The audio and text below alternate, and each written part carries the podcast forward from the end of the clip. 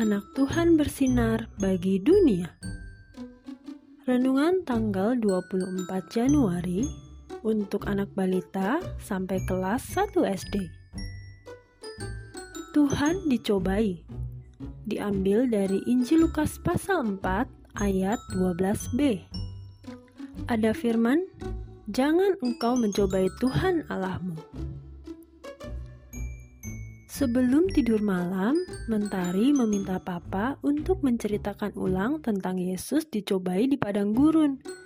Berulang kali Mentari mengenyirkan dahinya sambil mendengarkan cerita Papa. Jadi Tuhan Yesus digoda iblis tiga kali ya Papa? Apa saja? Tanya Mentari berulang kali. Akhirnya Papa mengulang cerita bagian Yesus dicobai iblis. Yang pertama, Iblis meminta Yesus mengubah batu menjadi roti. Kedua, Yesus disuruh menyembah iblis. Ketiga, Yesus disuruh menjatuhkan diri dari bukit yang tinggi. Dan Tuhan Yesus selalu menang melawan iblis. Cerita Papa berulang kali. Mentari lalu membesarkan matanya tanda kagum. Hebat, Tuhan Yesus selalu menang ya Papa. Iya, Papa juga bangga. Tuhan Yesus selalu menang melawan iblis. Kita berdoa supaya kita juga menang ya.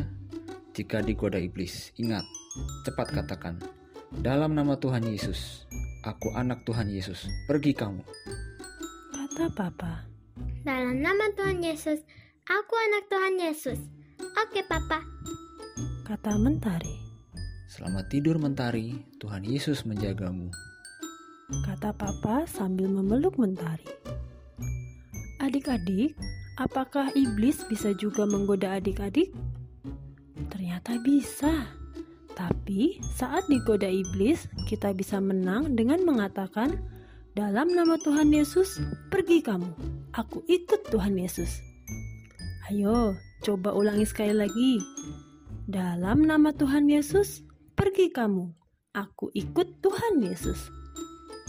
Nah, bagi adik-adik yang mempunyai PDF-nya, sekarang coba perhatikan, mana ya gambar yang menceritakan Yesus dicobai iblis? Yuk kita berdoa. Tuhan Yesus, aku juga ingin menang melawan iblis bersama Tuhan Yesus. Dalam nama Tuhan Yesus, ingatkan aku untuk selalu memanggil nama Tuhan Yesus. Amin.